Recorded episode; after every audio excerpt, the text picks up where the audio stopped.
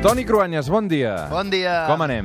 Bé, molt bé. Ja despert i això que avui serà una nit llarga, eh? Avui serà llarg, això, sí, sí, sí. Tu dels que ho allargues allò fins tard o no? Eh, depèn, eh, ara tinc un nen petit, vull dir que hi ho farem amb el nen, per tant, no, avui, avui, avui tranquils. Avui una nit màgica d'aquelles curtes de l'any, però tranquil·lets en una terrasseta, no? Sí, anem a casa uns amics, tranquil·lets, molt bé. Molt bé, d'avui es diu, però eh, no és ben bé exacte, eh, perquè ara ho parlàvem fa una estona amb el Joan Anton Català, que és la nit més curta de l'any. Eh, és al voltant de Sant Joan. Exactament no, però popularment, evidentment, que és la nit més curta de l'any avui. Sí, just, justament això fa que és, de fet, una festa pagana, mm. és a dir, és anterior al cristianisme, però ara celebrem, sobretot, el naixement de Sant Joan Baptista. La immensa majoria de Joans i Joanes celebren el seu sant, encara que n'hi hagi molt pocs que es diguin Joan pel Baptista. Mm. De fet, Sant Joan Evangelista, que és el més popular, el seu sant se celebra el 27 de desembre. Per tant, ja veig que avui, de moment, la cosa va de sants. Sí, però parlarem de tres sants que van tenir vides de pel·lícula. Avui amb el Toni Cruanyes, Sant Joan.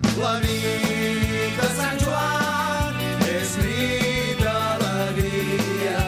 Comencem per Sant Joan Baptista, demà 24 de juny, el seu dia. Sí, la tradició diu que era cosí de Jesucrist i que era només sis mesos més gran. Per això, si celebrem el naixement de Jesús el 25 de desembre, pel solstici d'hivern, el de Joan Baptista és mig any exacte abans.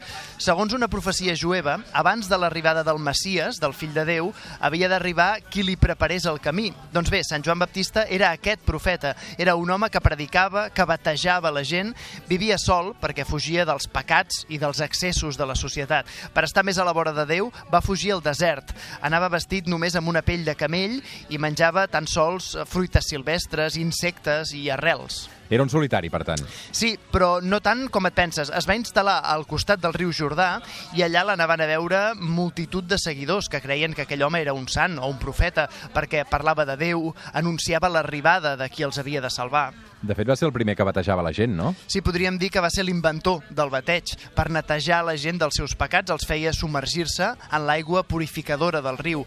Va arribar a batejar a Jesús mateix, però també va ser molt popular perquè era crític amb l'autoritat romana d'aquella època. Recordeu que els jueus estaven submesos a l'imperi romà i no estaven gaire contents. O sigui que Sant Joan Baptista era un rebel, d'alguna manera. I tant, fins al punt que es va convertir en el crític més furibund del governador romà de Judea, que llavors era Herodes Antipes. Entre altres coses, Joan Baptista denunciava que Herodes tenia una relació incestuosa amb la seva neboda, Herodies. Tothom sabia, però Joan Baptista ho proclamava en veu alta. Herodes Antipes no volia atacar Joan Baptista perquè era un personatge molt popular, però Herodies estava rabiosa per la tafaneria que suposaven els discursos moralistes de Joan Baptista, així que va ordir una venjança. A veure, Toni, una venjança. Què va passar exactament? A veure, Herodies va organitzar una festa a Herodes Antipes amb alcohol i amb ballarines. I entre aquestes ballarines hi havia la seva filla, Salomé, mm. que era molt guapa i era la preferida d'Herodes. Diu la llegenda que Salomé va ballar tan bé i Herodes va quedar tan satisfet de veure-la que en acabar li va dir que li demanés el que volgués davant de tot el públic que hi havia a la festa, que ell li concediria el seu desig. I Salomé li va demanar que li servís al cap de Sant Joan Baptista en una safata de plata. I Joan Baptista va perdre el cap, literalment. Exactament. Herodes va fer arrestar i matar Sant Joan Baptista i la tradició diu que efectivament Salomé, la ballarina, va aconseguir el cap del seu enemic, això sí, en safata de plata. Ai, mira, uh, és que aquesta cançó del Chayanne és Salomé. A veure, puja, puja.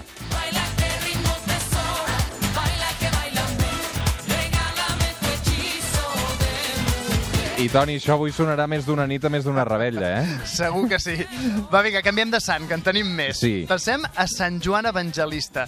Aquest té una història també molt interessant. Mm. De fet, a ell se li atribueix un dels quatre evangelis oficials que admet l'Església Cristiana com un relat verídic de la vida de Jesucrist. Sant Joan era l'apòstol més jove i també el més estimat de Jesús.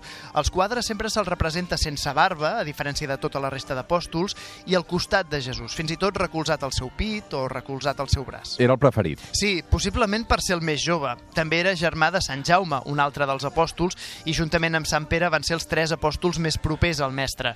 A Sant Joan se'l representa al costat de la Mare de Déu, per exemple, quan pengen Jesús a la creu.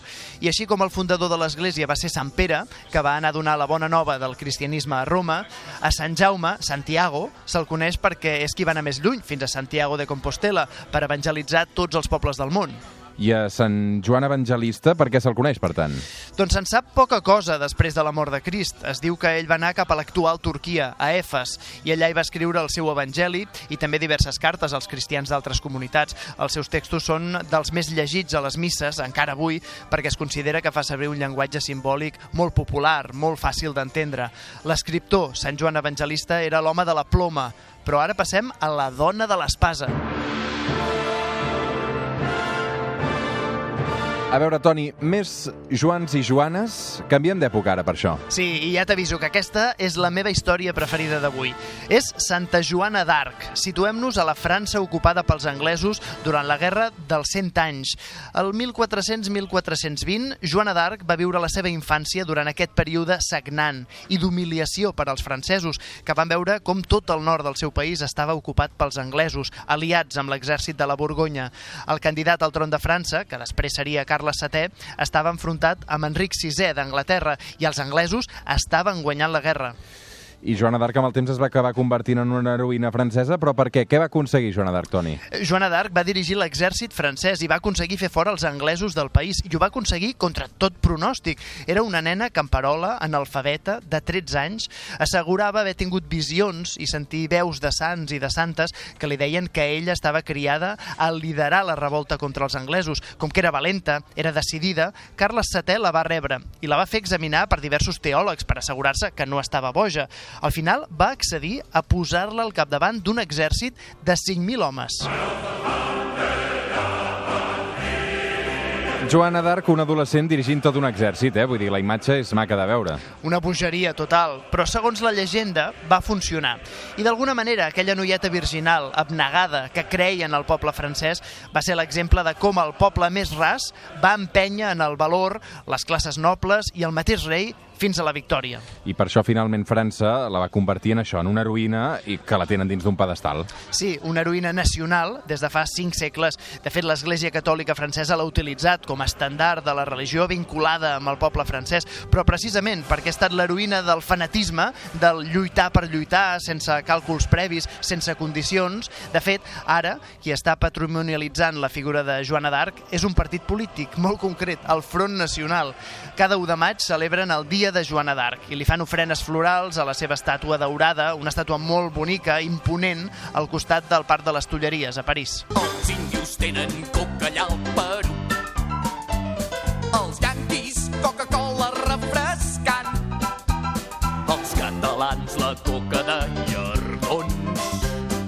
I l'estupenda coca de Sant Joan. Avui, Toni Cruanyes, arribarem fins les 9 del matí amb aquest clàssic nit de Sant Joan de, de Goll de Goma amb la coca. I tant, bona coca i bona rebella als Joans i Joanes. Bona rebella, Toni, una abraçada.